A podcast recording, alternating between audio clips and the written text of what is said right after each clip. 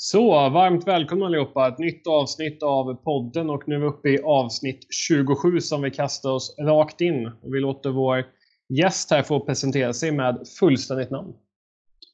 Ja, Fredrik Tobias Svensson. Ålder? 31. Bor? Eh, lite utanför Höllviken. Eh, en liten ort som heter Skegrie. Låter bättre på skånska än övriga, i övriga landet. Favoritlag? Eh, Malmö FF är väl svårt att undkomma när man är från dessa trakterna. Men, eh, så att, eh, ja, det är väl de jag följer nästan slaviskt. Men, och sen så är det väl lite andra, eh, andra lag som typ Arsenal och sånt som börjar få, eh, få upp lite eh, karaktär igen efter eh, Artetas eh, intåg i, i klubben. Så att, eh, ja, det är väl de två inom fotbollen. Sen så är det inte så mycket andra andra intressen faktiskt. Har du någon förebild som du ser upp till om du känner att du vill hitta lite inspiration eller hämta någon ny influens i tränarrollen? Uh, Nej, alltså uh, det är väl som några stycken sagt innan att man tar väl det bästa av dem man har både haft och ser och hör om. så att, men det är klart att när man växte upp fanns det alltid bra tränare och följer man Malmö FF så har de bytt tränare en gång om året de sista åren. Så att, eh, där är väl någonting gott att ta från många av dem men eh, ingen så speciell som eh, jag kan säga så på rak arm faktiskt.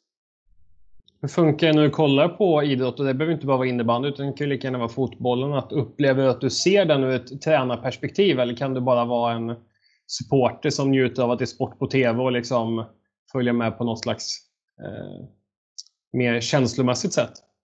Eh, ja, men fotboll är väl mycket känslomässigt, men även eh, eh, min brorsa spelade hockey länge och då var det ju oftast att, jag sa det att i hockeyn var det mer dump and chase. Där fanns inte så mycket taktik, men där fick jag ju hårda ord tillbaka att så är det inte alls det. Men eh, inom innebandyn är det rätt så tacksamt att fånga upp lite, lite grejer vad lag gör.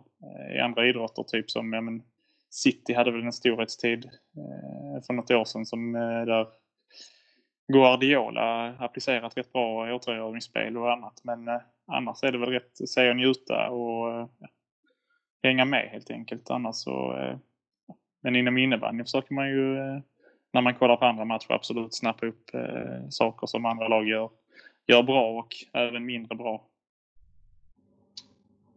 Du har ju ett par år på nacken nu som ledare. När startade den här ledarkarriären och eh, hur kom det sig att det blev en, ett ledarspår? Eh, ja, bra fråga. Jag tänkte på det när jag fick eh, frågorna men det startade en gång i tiden rätt så tajt när jag själv började spela. Jag började spela rätt sent som 15-16-åring någonting.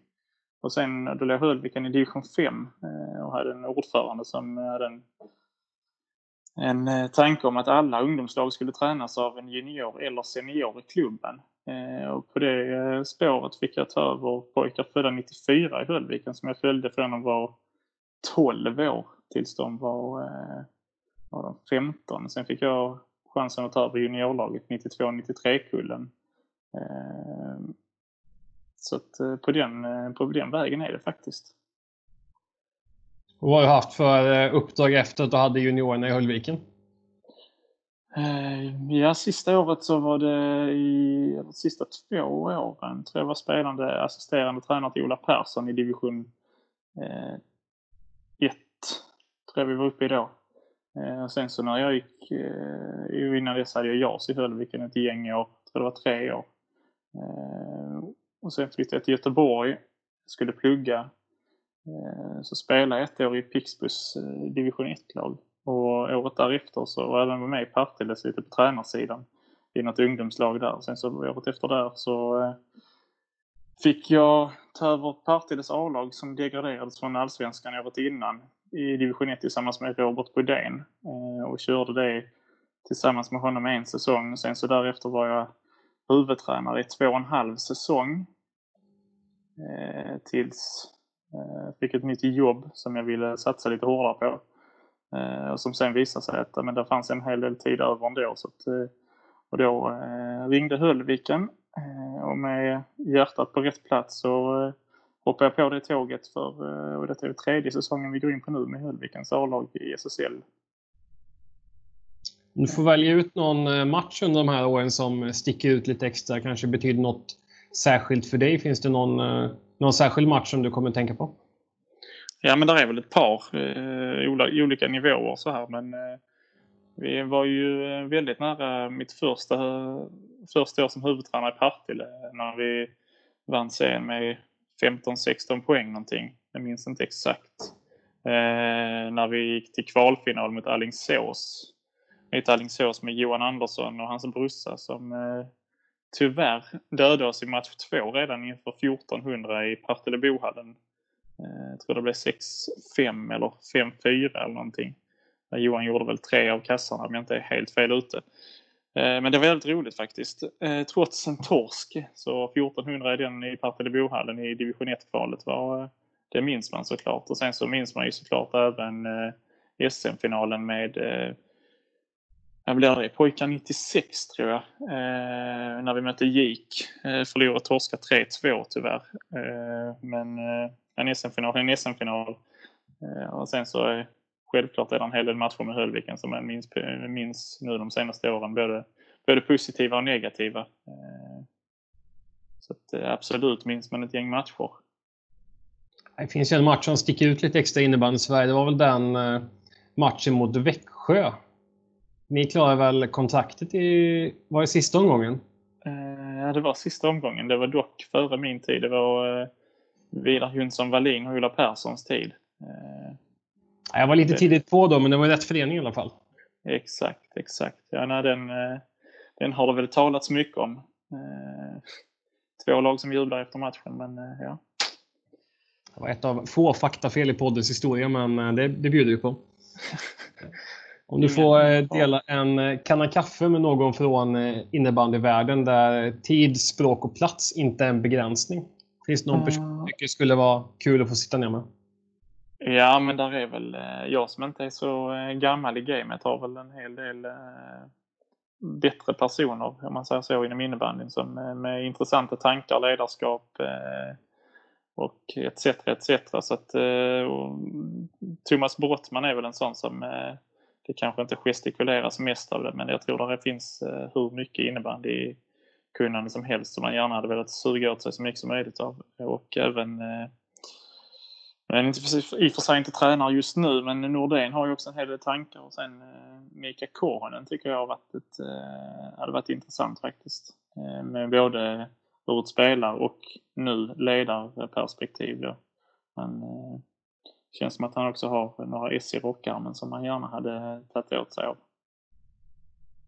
Vi ska ju just... Det är väl, på... det är väl tre, nej men det är väl tre av eh, tre av dem. Men sen finns det även andra som har eh, lite yngre förmågor som har, eh, som har intressanta idéer och tankar och hur de jobbar i sina lag och så vidare. Så att, eh, nej men, där finns så många. Eh, där brukar jag vara rätt så ödmjuk inför, inför uppgiften och säga att man, Eh, men man är rätt ung i, i gamet fortfarande i denna sporten. Även fast, så att, nej, där är många, många man hade velat prata med. Eh, en sån som nu får i sig även denna säsongen jobbar närmare Micke Karlberg.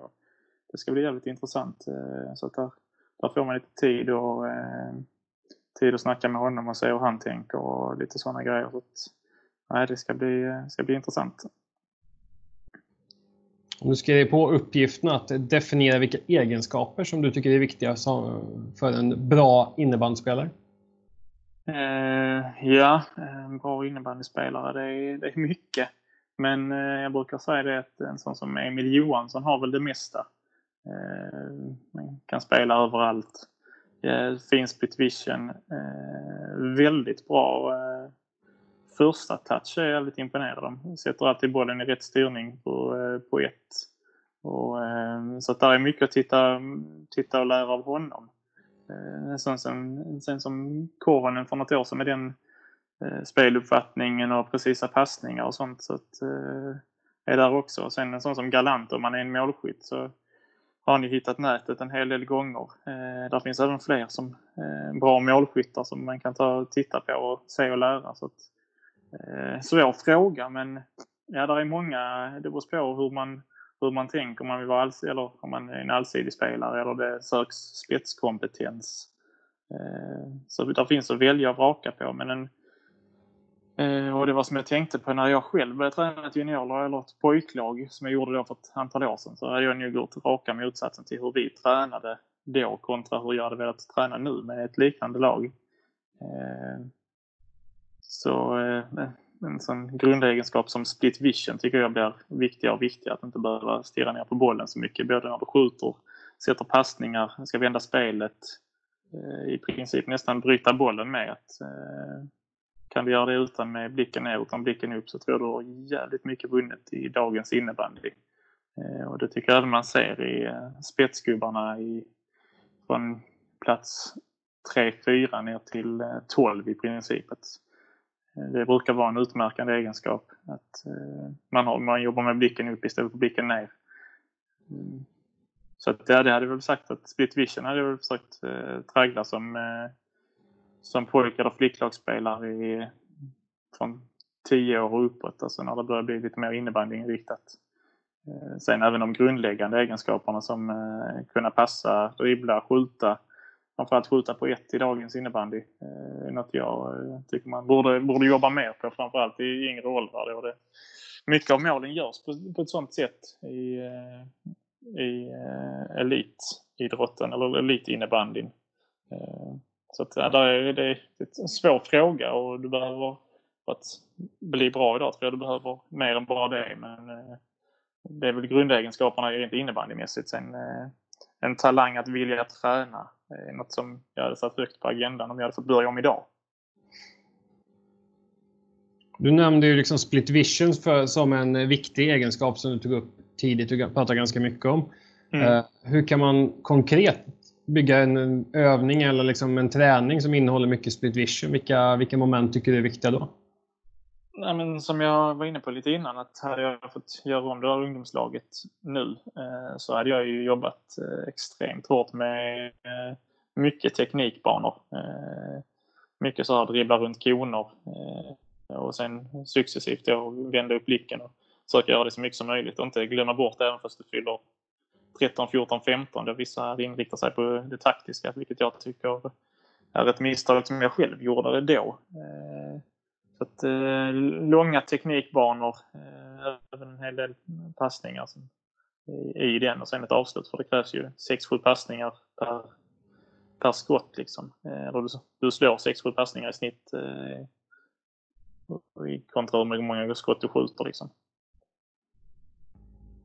Du nämnde teknikbanor som en del här. Många pratar ju om att eh, vikten av att bygga en övning eller en träning där du liksom får ut väldigt mycket av spelet i innebandy. Men du gillar den typen av färdighetsövning där du har kanske dribblar koner och stolar eller har även liksom rörliga delar i där det kan finnas en motståndare i den här teknikbanan?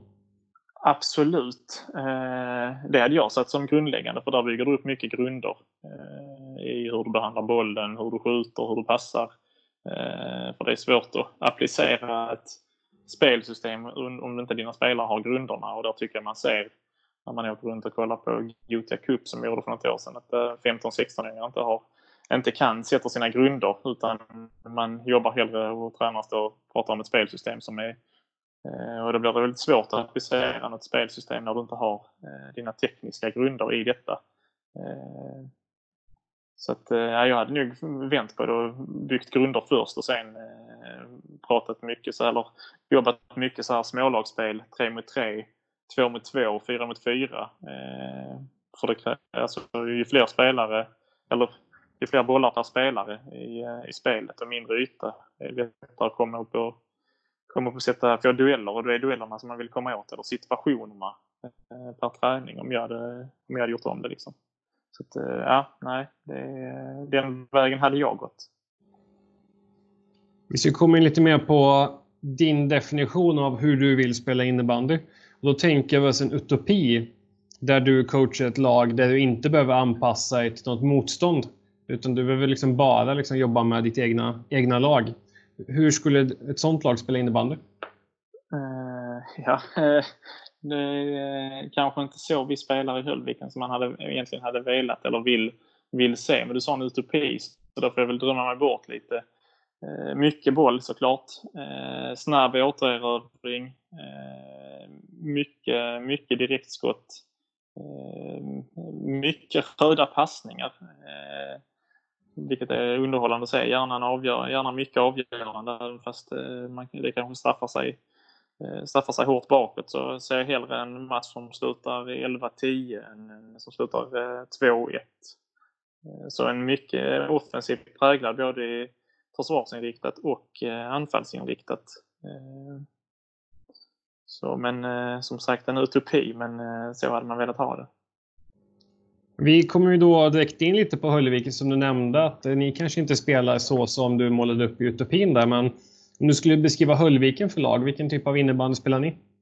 Uh, ja, uh, också en intressant fråga när man lyssnat på uh, tidigare deltagare i podden så får ju vi, vi har jobbat rätt så eh, mycket mot senaste eller mot kommande motståndare. Eh, vi får väl forma om det lite inför eh, med tanke på vårt, vår tidigare tabellplacering eller vår, eh, när vi har varit nere i botten och härjat. Så, men vi vill ju vara lite halvjobbiga eller jobbiga defensivt och sen vilja ställa om. Och sen nu de sista, sista året tycker jag väl vi har utvecklat en offensiv som framförallt i vår första lina som står sig väl kontra många andra linor vilket har varit, eh, varit på önskelistan att vi tar det framåt också. Så att, eh, lite jobbiga defensivt, kanske en lägre 2-2-1.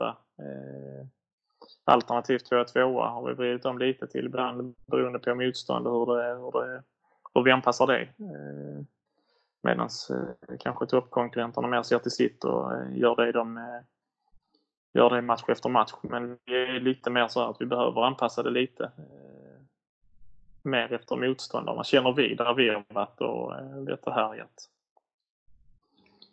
Och du nämnde att det ska vara jobbigt för motstånd tycker jag är ganska intressant. För jag, jag vill minnas att det är någon som lyfter fram Höllviken borta som ett exempel på en jäkligt jobbig bortamatch. Eh, om man tänker liksom för lagen som kanske ligger lite högre upp i tabellen. Och det är väl ett betyg som är väldigt, väldigt gott att motståndaren tycker att det är dels jobbigt att det kanske är en lång resa men även att det är jobbigt att liksom, eh, möta lagen som spelar lite avvikande och står för någonting lite annorlunda. Ja, men absolut. Eh, intressant. Eh, det är väl lite av den bild man vill ha, att det ska vara jobbigt att komma till Hallörhallen. Som eh, många, några nämnde det som en, eh, kanske inte den bästa hallen i SSL, vilket vi håller med om. Men det är som eh, i övrigt, vi jobbar med jobbar efter de resurserna man har. Och, eh, Nej, absolut ett bra betyg. För att eh, det är lite så vi vill, eh, vill ha det. Eh, sen kan det vara det beror på. Det kan ju vara en lång bortaresa. Jag vet när vi åker till Falun så är det 10 timmar buss, spela matchen, 10 timmar hem. Men absolut ett gott betyg. Och då får vi också när vi verkar eller känns lite halvjobb får vi också tillfälle till att ta våra, våra spelvändningar som har varit Höllvikens signum sen ja, man i princip startar klubben. Så att, ja, men det, känns bra faktiskt när eh, folk nämner det. Vi kommer ju också in på här, det är ju oundvikligt att inte nämna Johannes Wilhelmsson. För vi, du nämnde ju tidigare att ni har ju jobbat kanske liksom någonstans i mittenregion mellan liksom säker mark och slutspel. Och liksom något år har varit tajta nedåt, något år har ni varit nära att liksom knipa en plats lite högre upp. Men hur jobbar man när man har en spelare som år efter år liksom placerar i topp i poängligan trots att man är ett lag som kanske inte parkerar på topp 6? Ja, nej. Eh, nu hade jag ju äran att ha honom redan som eh, junior när han kom till klubben ett år där. Eh, och har varit en extremt eh, bra utveckling på den gubben. Och är fortfarande. Eh, så att man, eh, vi försöker väl eh, jobba väldigt eh, så nära man kan honom liksom i både utanför och på planen. Då han har varit en varit eh, bärande i många matcher eh, och förhoppningsvis kommer vara bärande i en hel del matcher framöver med. Men, eh, men vi bygger inte någonting, alltså vi bygger inte vår första linje på, på enbart honom eller vårt powerplay på enbart honom. Men självklart så förväntar man sig en viss leverans när man har en sån pass bra gubbe i laget. Sen finns även, även fast man heter Johannes Wilhelmsson som spelar Höllviken så har han även andra egenskaper att utveckla som vi också försöker ta tillfälle i akt och eh, hjälpa honom med då han har en eh, han har ett bredare register än vad, vad folk eh, tror, tycker vi. Och eh, det ser vi vecka ut och vecka in. Så att, eh, vi jobbar nära honom, eh, givetvis i en eh, dialog med honom eh, som med många andra spelare. Sen väger ju vissa ord i laget eh, lite tyngre i vissa sammanhang. Och han är ju en, eh, han är ju en del av Ulvikens ryggrad. Så att, eh,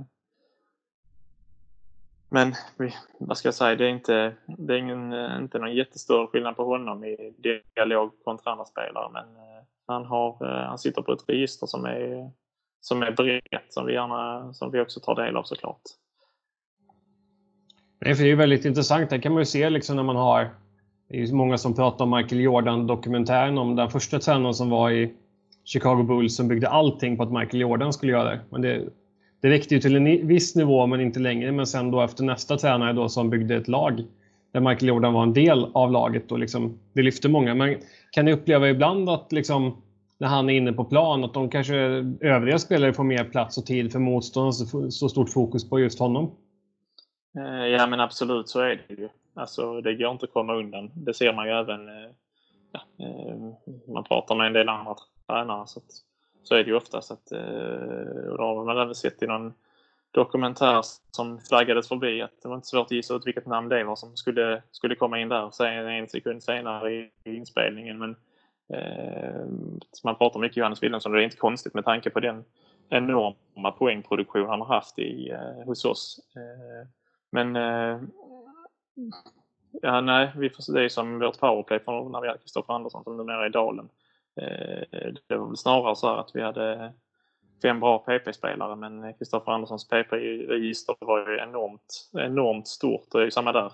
När JW stod och hotade på pointpositionen och väckte till seger så fick han ju en halv extra sekund som kanske räckte för att han skulle liksom eh, vinna powerpoäng-ligan eh, eller powerplay-poängligan eh, det året ganska så markant. Så men eh, ja, nej, det är intressant där med, med Jordan såklart. Att, eh, hur man kan bygga i olika vinklar. Men vi försöker ändå eh, hålla det till formationen. Liksom, att eh, ut, utmärka honom som att nu ska vi göra detta för att vi ska sätta upp han där och där.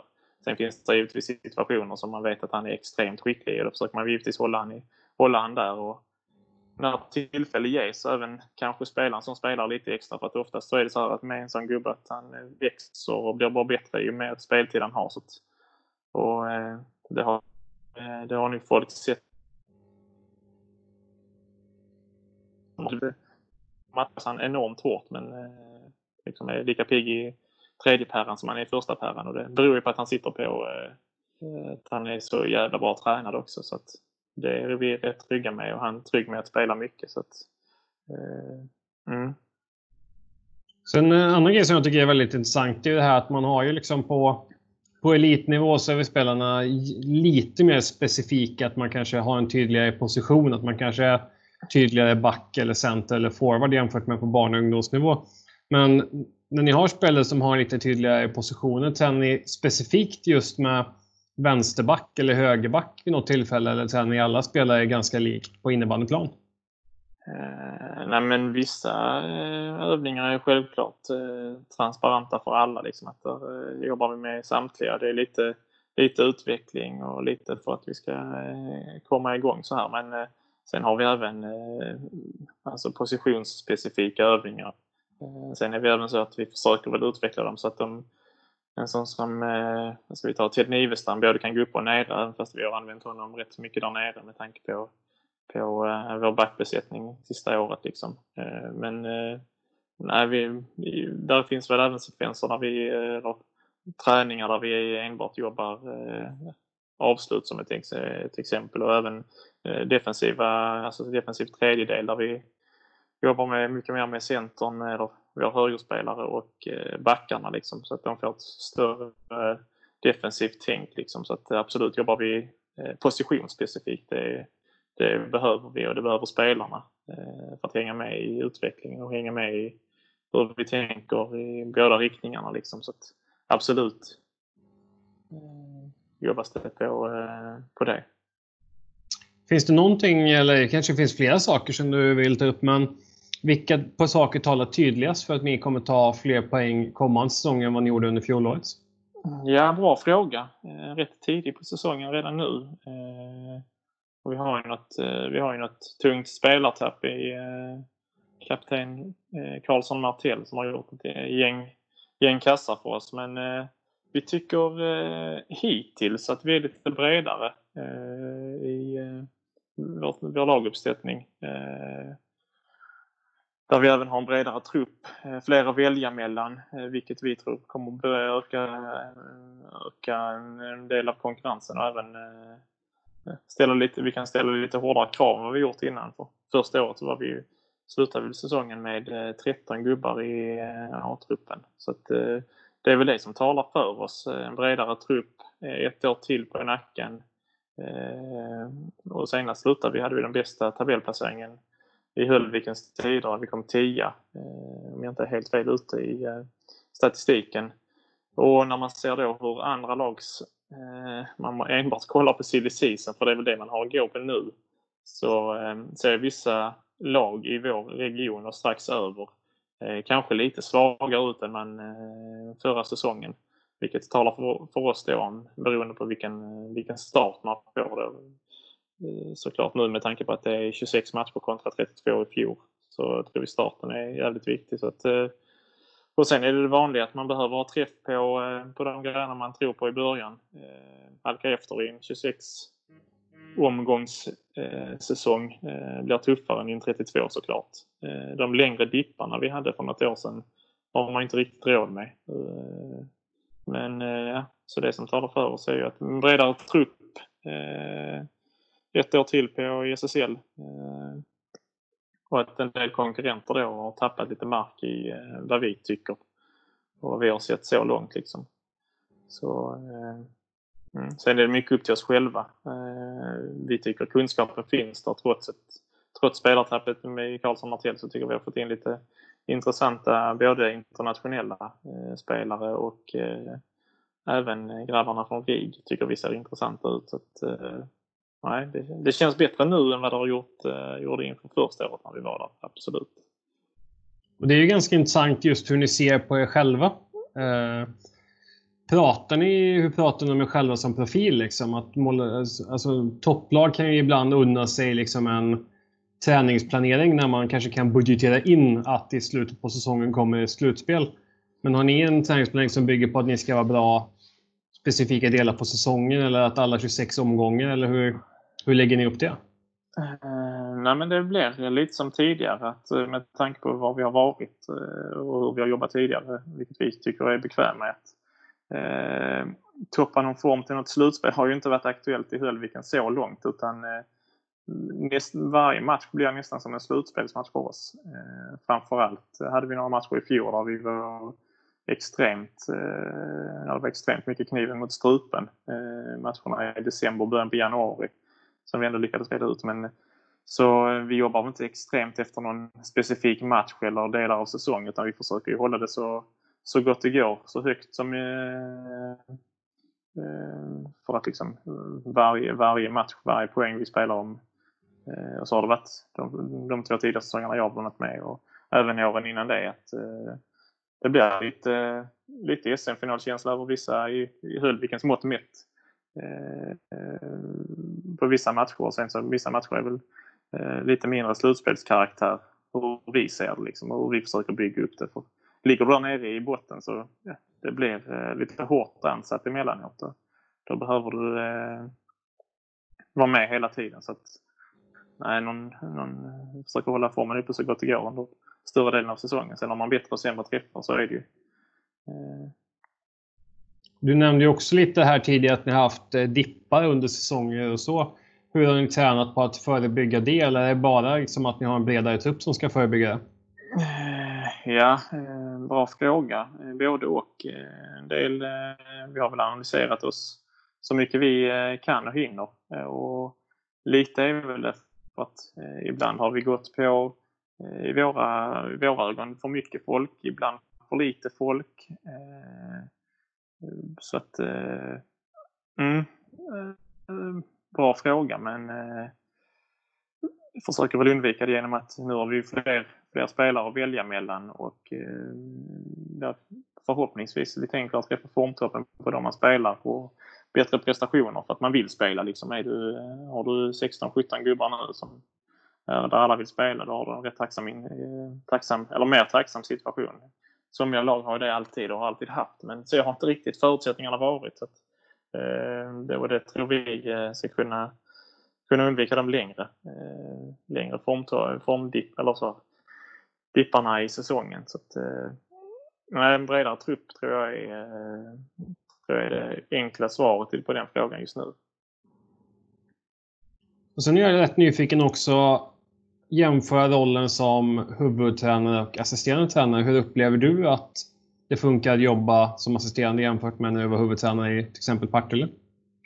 Uh, ja, det är rätt, jag tycker det är rätt stor skillnad. Uh, sen så SSL kontra division 1, det är ju det är också en skillnad i sig såklart. Men när man är huvudtränare så har du mer helhetsansvaret på det mesta.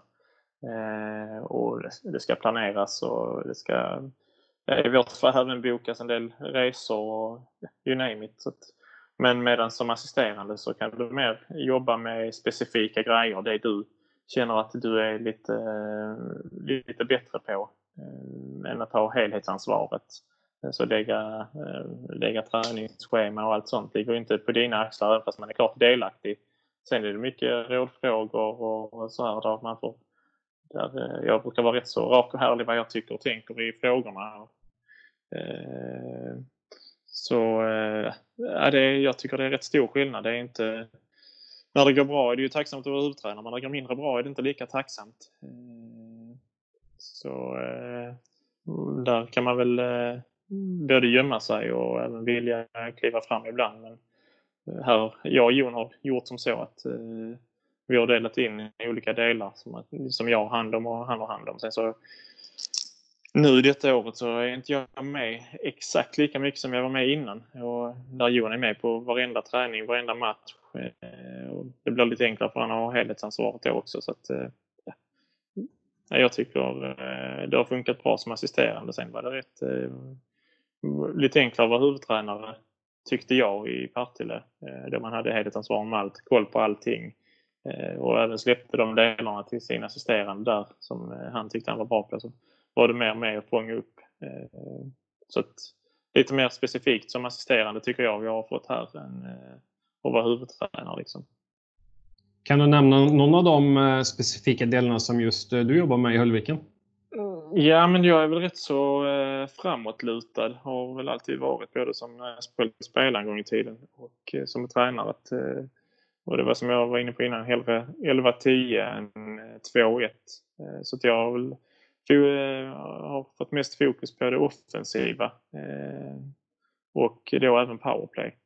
Eh, och sen även har ett stort finger med i, nu i slutet på, även på matchcoachningen som jag tycker är intressant att jobba med, framförallt i SSL eh, kontra Divet. Divet var lite, lite enklare utan att eh, prata ner den serien för mycket så är det ändå rätt starka och eh, bra profiler du möter här på tränarsidan. Så, att, mm, så det offensiva matchcoachningen ligger väl i, mer i smägen vad det gör hos Jon. Jon har mer det defensiva och helheten och inför och efter och videoklipp och allt sånt där. Tunga biten liksom. Och matchcoaching det tycker jag är ett jätteintressant begrepp, men jag kan tänka mig att det finns många som eh, kanske ställer sig till frågan vad innebär matchcoaching? Kan du ge några bra exempel? Ja, eh, rätt många framförallt i SSL tycker jag. Eh, nej men det är väl hur du, eller det är hur du matchar ditt lag kontra motståndarna. Vem som spelar mot vem, när vi gör olika grejer, alltså när vi tar time, när vi eh, eventuellt går ner på folk när vi tar eh, keepern. Eh, men framförallt eh, så har jag tyckt en viktig del varit eh, vem man, vem man coachar mot vem. Utan att säga för mycket liksom. Eh, som där jag tror och tycker mig ha en rätt stor avgörande roll mot motståndarna. Alltså, där är väl något sämre exempel i matcher man sitter och tittar på när när, eh, nu kommer jag inte exakt ihåg vem det var, men som spelade deras tredje linje mot Faluns första femma. Vilket kanske inte hade varit eh, det bästa där och då, men eh, de gjorde det och det visade sig inte vara så lönsamt heller. Så att, det är många sådana delar man fått lära sig eh, framförallt efter första säsongen, även delar andra. Eh, så att nu är man väl lite mer trygg i det utifrån. Eh, sen är det ju givetvis så att har man, har man eh, mindre resurser att jobba med så blir det tuffare och du måste vara mer noggrann i det. Och det kan även bli, eh, ja det kan bli jävligt matchavgörande liksom. Så att de, eh, de grejerna är intressanta där. Det hade man kunnat sitta och prata, prata länge om. Och det är väl lika mycket liksom våga vinna som att inte vara rädd att förlora? Ja, precis. Och där, alltså som ett topplag eh, kontra ett bottenlag så eh, jag ska inte säga att vi är rädda för att förlora men eh, som ett topplag ligga på tredje eller fjärde plats. är klart det spelar roll i slutändan vilken, hur många hemmamatcher du får när du får välja lag i, i slutspelet. Men eh, det hade varit enklare att bara gasa, gasa, gasa eh, framåt än att liksom safea hem poängen. Eh, så att, eh, ja, nej. Den, det är en skör balansgång. Ibland går det åt ena hållet, ibland går det givetvis åt andra hållet. Men eh, hade man fått drömma så hade man ju tryckt på gasen eh, varenda gång. Men eh, det går inte riktigt och ibland fallerar det på att man inte vågar vinna. Men eh, det är ju sådana man, det är sånt man får lära sig. Det är ju lite fingerspitzgefühle såklart. Jag tycker just det är intressant du nämnde där, men jag upplever ibland kan man ju ha att man går och tänker på någonting och så känner man att jag skulle vilja gå ner på folk eller jag skulle vilja ta timeout. Och sen släpper man in ett mål bakåt och känner att jag borde ha agerat snabbare. Liksom. Hur snabb är beslutsprocessen när du har någonting du känner att det här vill jag att vi gör nu? Att, behöver ni tränare prata ihop eller liksom, vad behöver ske innan ett sådant beslut kan tas? Ja, Eh, intressant fråga. Eh, det är också en eh, grej som vi har haft uppe ett par gånger, jag och Jon, sedan vi kom in. Eh, och i första året där var det väl en, eh, då var vi väldigt orutinerade och tog väl för lång tid. Eh, för många gånger i efterhand. Eh, Medan eh, där vi sa att det är bättre att en, en har huvudansvaret för det och tar det beslutet per omgående om man känner det. Eh, sen givetvis finns det överläggning idag när vi tar det.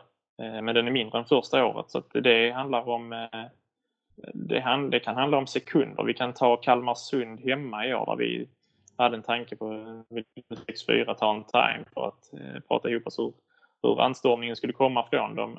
Eh, gör inte det. Får 6-5 oturligt, får 6-6 med 20 kvar och tappar i våra, våra ögon där Eh, två pinnar. Även fast 6-6 på förhand hemma mot Kalmarsund hade vi kanske tagit där och då. Men det är, ja, det är, det är väldigt, väldigt små marginaler. Och, eh, ja, det är väl det som skiljer eh, agnarna från vett också. Liksom. Så att, ja, och just nu känner vi väl att så som det har varit att vi behöver, vi behöver vara mer direkta. Det är väl en sån sak som byta målvakt liksom. Så eh, där ser man, där tittar man på match efter och tänker man så hur och varför eh, bytte vi inte? Eh, och så kommer det två kassar till eller eh, sen kan det även vara motsatt effekt att ja, men vi låter han stå tio till.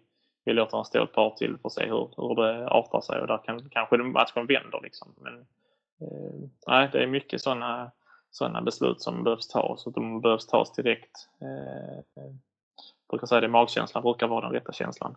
Och eh, det är väl sådana grejer som vi har utvärderat och fått med oss. Att, ja, det brukar vara att det vi tänker först gör det till 80-85 procent. Så att, eh, nej, den, eh, ska vi försöka vara lite mer direkta detta året kontra hur vi har eh, varit innan.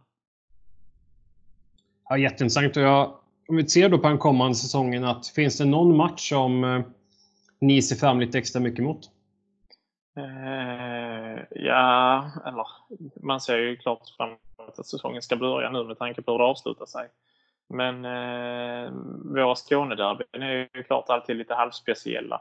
Det kanske inte har varit de mest underhållande matcherna eh, de sista åren men eh, de är, alltid, de är alltid roliga för oss, känner vi. Eh, med tanke på att eh, Helsingborg det är ju enda Skånelaget där är. Eh, sen är det även andra matcher som är roliga att spela. Eh, lag som är roliga att möta än andra. Så att, eh, åka, till, åka till Växjö och eh, Fortnox Arena har alltid varit, har alltid varit roligt. Och, och komma till de platserna där man känner att här är det innebandy liksom. Eh, kontra eh, komma till eh, en sån som eh, Wallenstamshallen. Sorry att den kommer upp men eh, det är lite, det är lite gympasalskänsla. Så ja, Skånederbyna skulle jag säga är de, är de främsta. Och kan en sån derby rival, liksom, kan det vara någonting som triggar liksom, extra mycket under en säsong? Man kanske tänker att nu har det gått tungt någon match, men jäklar nu är det derby. Liksom, då vet man att alla kommer bjuda till lite extra. Eh, ja, eh, både, eh, både ja och nej. För något år sedan så var, var vi före dem. Ju. Sen i fjol gjorde de en jättebra säsong i, i mina ögon. Eh, och där de sprang ifrån oss och vann faktiskt samtliga tre eh, matcherna. Eh, så där hade vi 0-9 så det, det, är väl, vi har väl lite revansch och, revansch att utkräva och vissa pratar redan om, om matchen medan andra tar det mer med ro men man vet att när det väl, när man väl blåser igång så är det lite extra liksom. Det måste jag säga. Vi har ju då två sek sekvenser kvar av avsnittet och eh, nästa sekvens du ska få svara på är de fem snabba frågorna. Du ska svara snabbt och impulsivt. Ja. Känner du dig beredd? Absolut. Träning eller match? Match. Powerplay eller boxplay? Powerplay. Offensiv eller defensiv? Offensiv. Match på hemmaplan eller match på bortaplan? Match på hemmaplan. Kaffet innan match eller tuggummit under matchen? Kaffet innan matchen. Jag tänker hemmamatcherna, de, eh, de är väl extra speciella också. Ni har väl en speaker som är allmänt välkänd i hela innebandy-Sverige snart? Eh, ja, det hoppas jag. Han är fin. Eh, han höjer väl stämningen för de som är där. Det har väl också varit en grej som har sviktat de sista åren men när man jobbar på att få upp publiksnittet. Men nej, Jens är fin. Han är en väldig glädjespridare utanför och han har väl suttit där i ett sen vi var ner, sen vi kom från division 1 om jag inte är helt fel ute. Så att eh, nej, han är, han är fin. Och jag tänker det är också en grej som jag tycker är jättespännande att eh, hur mycket liksom märker spelare och ledare av liksom saker kring att det är ett bra matcharrangemang. Märker man någon skillnad mot det kontra mot om det skulle vara liksom betydligt sämre? Kan det vara liksom något som triggar extra mycket eller? Ja, men det är klart. Alltså det var lite det jag var inne på innan. Att när du kommer till typ eh, ja, men Fort Knox där man känner att eh, här är det innebandy liksom. Eh, då blir man ju själv mer, mer sugen. Där är även andra bra arenor som man kommer till. Kommer man upp till Falun så eh, är det också speciellt på sitt sätt. Och till Uppsala, både, både faktiskt Sirius och Storvreta, eh, så är det speciellt på sitt sätt. Och man, det är väl klart, man, man går väl igång lite mer på, på sådana matcher. Eh, där har vi väl också en, ett eh, hack i, eh, i klubben där man bör ta ett omtag. Liksom att det kanske var, man har varit på samma plats i tabellen några år i rad och då kanske en del folk tröttnar. Liksom. Men eh, ett matcharrangemang kan absolut få igång det och det märker man när Jens ibland sätter igång i, eh, med spikarna. Eh, det blir lite extra tändvätska både för oss i, både, i båda riktningarna. Även fast, vi, även fast vi leder så går man igång lite på det. Så det är rätt tacksamt att ha, eh, tycker vi. Så att, absolut är det en eh, viktig parameter där jag tycker andra sporter är hästlängder före. Eh, på framförallt de bitarna. Du ska ju få plocka ut då en eh, drömuppställning med eh, sex stycken spelare förslagsvis och fem utspelare och en målvakt. Men Du får ju spela med sex utespelare om du skulle vilja det och sen då eventuellt en eh, coachstab eller om du låter laget eh, styra det själva. Mm. Eh, absolut. Eh, jag har gjort som så att jag tar eh, endast spelare jag haft eh, och tagit dem som jag tycker varit utmärkande på de, eh, de nivåerna där man har haft dem. Även fast det kanske är mycket, mycket Höllviken-gubbar då givetvis. Men i mål så hade jag eh, Erik Lenheimer när vi gick till SM-finalen. Han var en, eh, ja, gjorde det väldigt bra. Eh, var väl nära landslaget där också men kom väl aldrig riktigt med, vilket vi var förundrade över. Men han på juniortiden var extremt fin tyckte jag.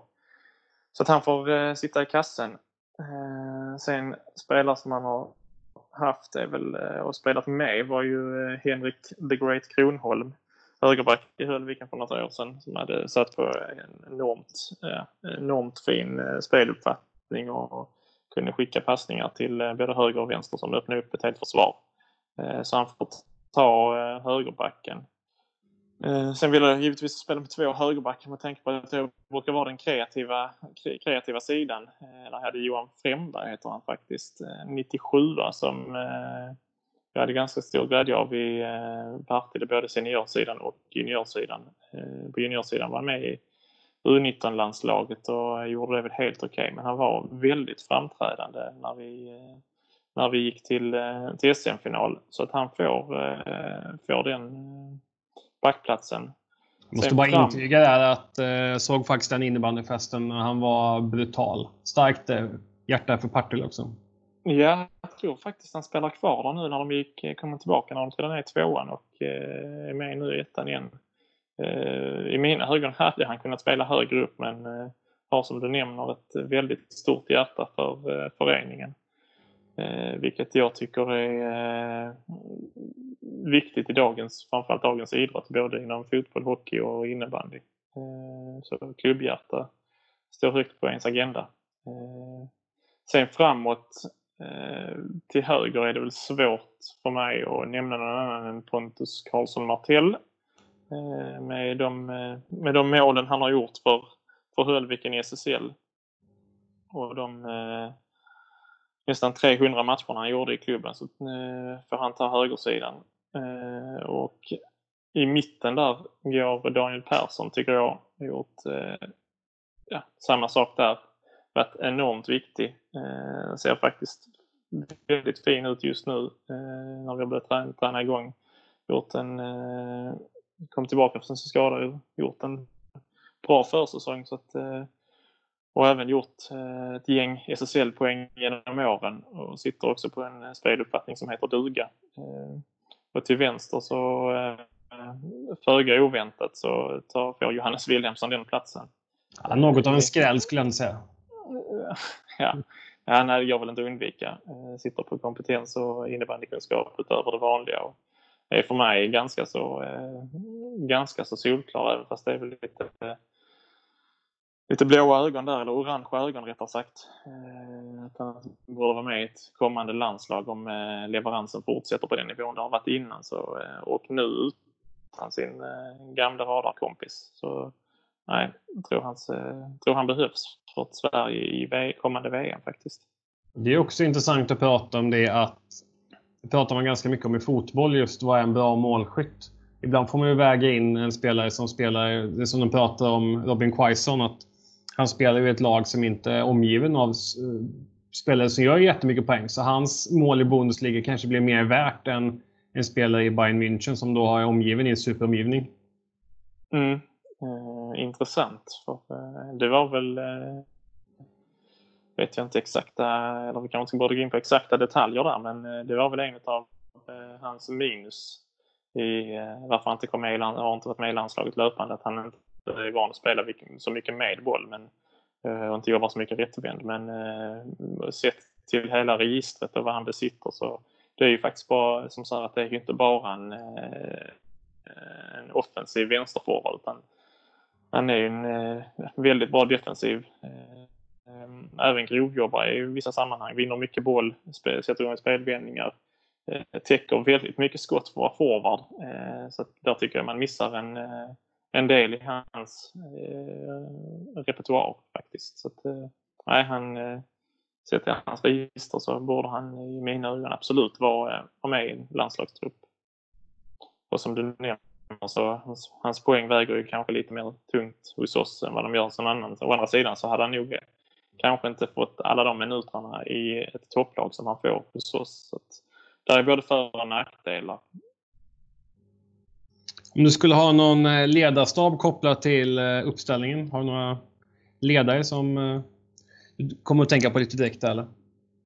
Ja, eh, och det är givetvis inga som jag har jobbat med utan där har jag gått utanför den eh, på just den sidan. För eh, i mina ögon så tycker jag att ja, de, har nyss, de har varit nämnda tidigare också men, men Thomas Brottman, van att vinna, tycker jag är jävligt viktigt när man står i en både VM-semi och förhoppningsvis VM-final så är det en väldigt viktig egenskap.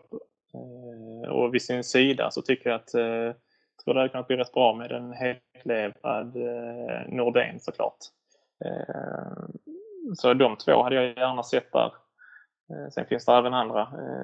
Micke Karlberg har nog fått en läktar, läktarcoach-rollen. Känns som klippt och skuren för det även fast han har kunskaper i ett bås också så hade jag nog satt Brottman Nordén där före men han hade fått titta på läktaren. Sen tror jag, jag tror det hade räckt med de tre. Jag tror det är innebandykunnande tillräckligt där faktiskt. Ja, hittar, vi, hittar vi bara någon skön material också så är ju staben komplett där. Nej. Exakt, exakt. Ja, nej, Citroën har, har inte någon på eh, något eh, SC Rockarmen där faktiskt. Så den lämnar vi vakant tills vidare. Fylla sina flaskor själv. Så att, eh, Ja, nej, men väldigt eh, intressant tränarkonstellation där med, eh, med dessa tre herrar. Och det är som vanligt att varje drömuppställning känns ju otroligt spännande. Man hade velat se, se dem alla. Men eh, får väl se vad tiden ger oss i fram, framtiden. Exakt. Ja. Men, det, har varit några, det har varit några fina uppställningar i tidigare avsnitt. Ja, och fler, fler ska det bli. Hoppas vi verkligen. Uh, vi säger ett uh, stort tack för att du har tagit tid att medverka i coachpodden. Tack själv. Mycket bra eh, jobb tycker jag. Fortsätt så. Det ska vi sannolikt göra.